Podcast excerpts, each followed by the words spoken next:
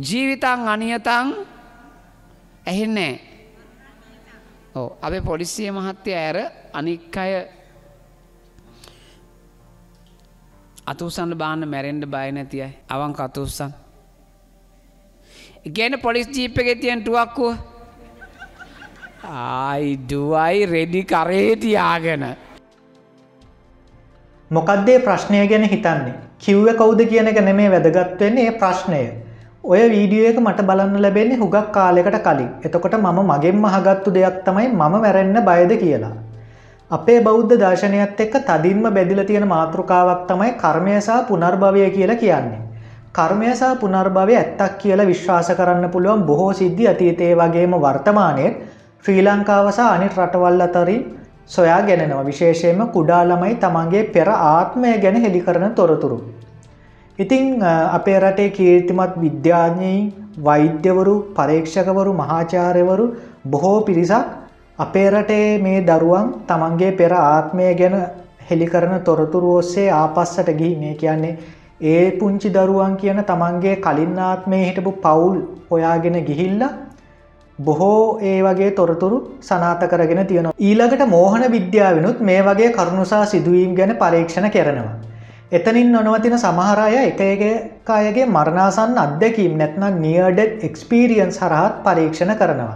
සමහරක් විද්‍යාඥයින් කිරලියන් ඡායාරූප විද්‍යාව හරත් එතර ලෝකයක් දකින්න උත්සා කරනවා. ඒ අනු අපි අර කලින් දැකපු ප්‍රශ්නයට මගේ උත්තරේ වෙන්න නම් මම මැරෙන්න බයයි.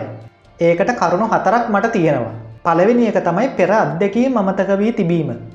බෞද්ධ දර්ශනයට අනුව අපි මේ සංසාරය අනන්තවත් මැරිමැරී උපදිනවා. ඒකෙන් ගැලවෙන්න තියෙන එකම මාර්ගය තමයි නිර්වාණය. අපි මේ සංසාරය කොච්චර මැරිල තිබ්බත් අපිට ඒ එක සිදුවීමක්වත් මතකේ නෑ. මැරෙනකොට මොකද වෙන්නේ? ඇගේ මොනවගේ ලක්ෂණ දහටගන්නේ ශරීරයෙන් විඤ්ඥානය වෙන්වෙන්න කොහොමද? එහෙම වෙන්වෙනකොට මොනවගේ හැඟීමක් දැති වෙන්නේ? බයක් දැනෙනවද? විඤ්ඥානය තනිවෙනවද මොනවද අපිට පේනෙසා ඇහෙන්නේ? ආයිත් අපේ ශරීරයට ඇතුල් වෙන්න මේ විඤ්ඥානය උත්සා කරනවද? ඊට පස්සේ කොහාටද අපි යන්නේ? අපිව කවුරුහරි අරගෙන යනවද? නැත්නම් අපිම යනවද?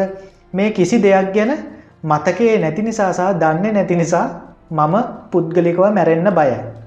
දෙවනි එක අපරාපරියවේදනීය කර්මය.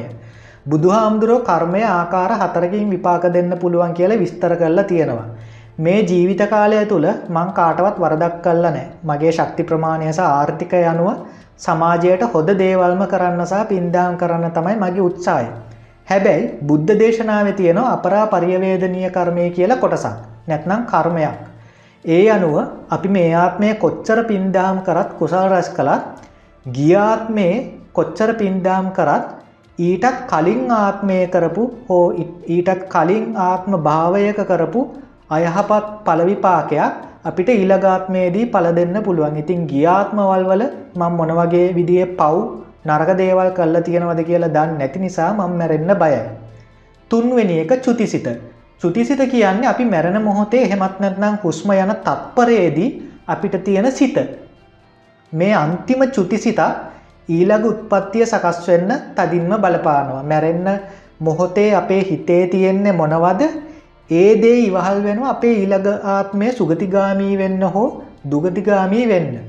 ඉතින් අපි මේ ජීවිතය කොච්චර පින්කුසල් කරත් මැරෙන අන්තිම තත්පර භාගයේදී වැරදිලාවත් නරක සිතුවිල්ලක් ඇති වුණොත් ඒක මැති ඊළගාත්මය නැත්නම් ඊළඟ උත්පත්තිය දුගතිගාමී වෙන්න. ඉතිං මැරණ වෙලාව මම් දන්නේ නෑ මැරණ වෙලාවේ මොනවගේ සිතුවිල්ලක් ඇති වේද කියලා දන්න ඒ නිසා මං මැරෙන්න බය. හතරවෙනි එක ඇතිවීම පැත්මසා විනාශය. ඊළඟ ආත්මය මනුස්්‍යයෙක් වෙලා ඉපදුනොත් ආයිත් අපිට මේ ආත්මය කරපු දේම කරන්න වෙනවා. හය හතර ඉගෙන ගන්න වෙනවා පෙරපාසල් යන්න වෙන උපකාරක පන්ති යන්න වෙනවා අවුරුදු දහතුනක් ස්කෝල යන්න වෙනවා ඊට පස්සේ උසස් අධ්‍යාපනය ලබන්න වෙනවා රැකියාවක් කරන්න වෙනවා දරුමුණුබරන් හදන්න වෙනවා ඊට පස්සේ සතර වරිගයටමසා දරුවන්ට යුතුකම්සා වගකීමිෂ්ට කරන්න වෙනවා ලෙඩවෙමින් ප්‍රශ්නවලට මුහුණ දෙමින් බාධකවලට මුහුණ දෙමින් මහළු වෙලා මැරෙන්න වෙනවා. තිරිසංආත්මයක් ලැබුවොත් ඉපදුණු දවසීදල මැරණකම්ම ජීවිතය ආරක්ෂා කරගෙන දඩයමක් හෝ ආහාර ටිකක් හොයාගෙන මේ සතර මහභූතයන්ගෙන් එකක අපිරිසිදු විදියට දුක් විද විද ඉන්න වෙනවා. තිරිසං අපාය නැතුව වෙනම් වෙනත් අපායක උත්පත්තිය ලැබුවොත් ඒත් බොහොම අපිරිසිදුවට දුක්විද විද ඉන්න වෙනවා. ඉතින් නිර්වාණය තමයි එකම පිළිතුර නිර්වාණය කියන එක සාක්ෂාත් වෙනකම් අපි මේ චක්‍රය ගමන් කරනවා. ඉතින් මේ චක්‍රයේ නැවතවාරයක් උත්පත්තිය ලබන්නසා ඒ ගමන් කරන්න තියෙන බය නිසා මං ඇත්තටම මැරෙන්න බය.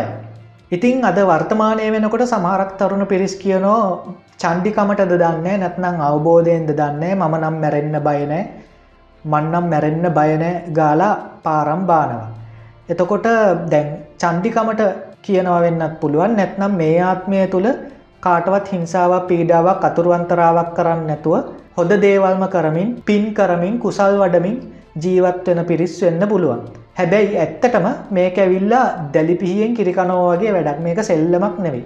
අපි මේ ආත්මය කොච්චර හොද දේවල් කරත් අරමං කලින් කියපු දේවල් විශේෂයම නිර්වාණය කියන එක සාක්ෂාත් කරලා නොතිබීම එවගේම අපරාපරියවේදනීය කර්මය සහ චුතිසිත මේ ප්‍රධාන තුන නිසා ඊළඟ ආත්මභාවය ගැන අපිට තාමත් තක්සේරුවක් දෙන්න බැහැ පෘතක්ජන අපිට. ඉතිං ඒ නිසා මේක සෙල්ලමක් නෙමේ ගොඩක් අය නිකන් චන්ඩිකමට කියනෝ මන්නම් මැරෙන්න බය නෑ කියලා නමුත් ඇත්තටම මැරෙන්න බයද නැත්නම් බය නැද්ද නැත්නං ඒ අනවබෝධයෙන් කියපු දෙයක්ද කියන එක ඒ මැරණ මොහොතේදී තමයි ඇත්තටම ඒ අයට දැනගන්න පුළුවන් වෙන්නේ. ඉතිං අද වැඩසටාන ඇත්තටම අපි දන්න දෙයක නොදන්න දෙයක් වගේම මං හිතනෝ ගොලොන්ට වැදගත් යමක් ගැන නැවතවතාවක් සිතා බලන්න කල්පනා කරන්න ඒ මනසේ දොරටු විවුත්ත වෙන්න ඇති කියල. ඉතින් ඉතින් ඕක තමයි වැඩසටාන කියපු දේ හොදයිනං ඉතින් ෂයා කරන්න. ඕගොල්ලොන්ගේ අදහස නැත්නම් පොයින්ට of එක කමෙන්ට් කරන්න.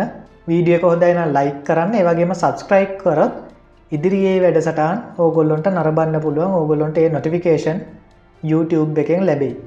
අදට ඔච්චරයි.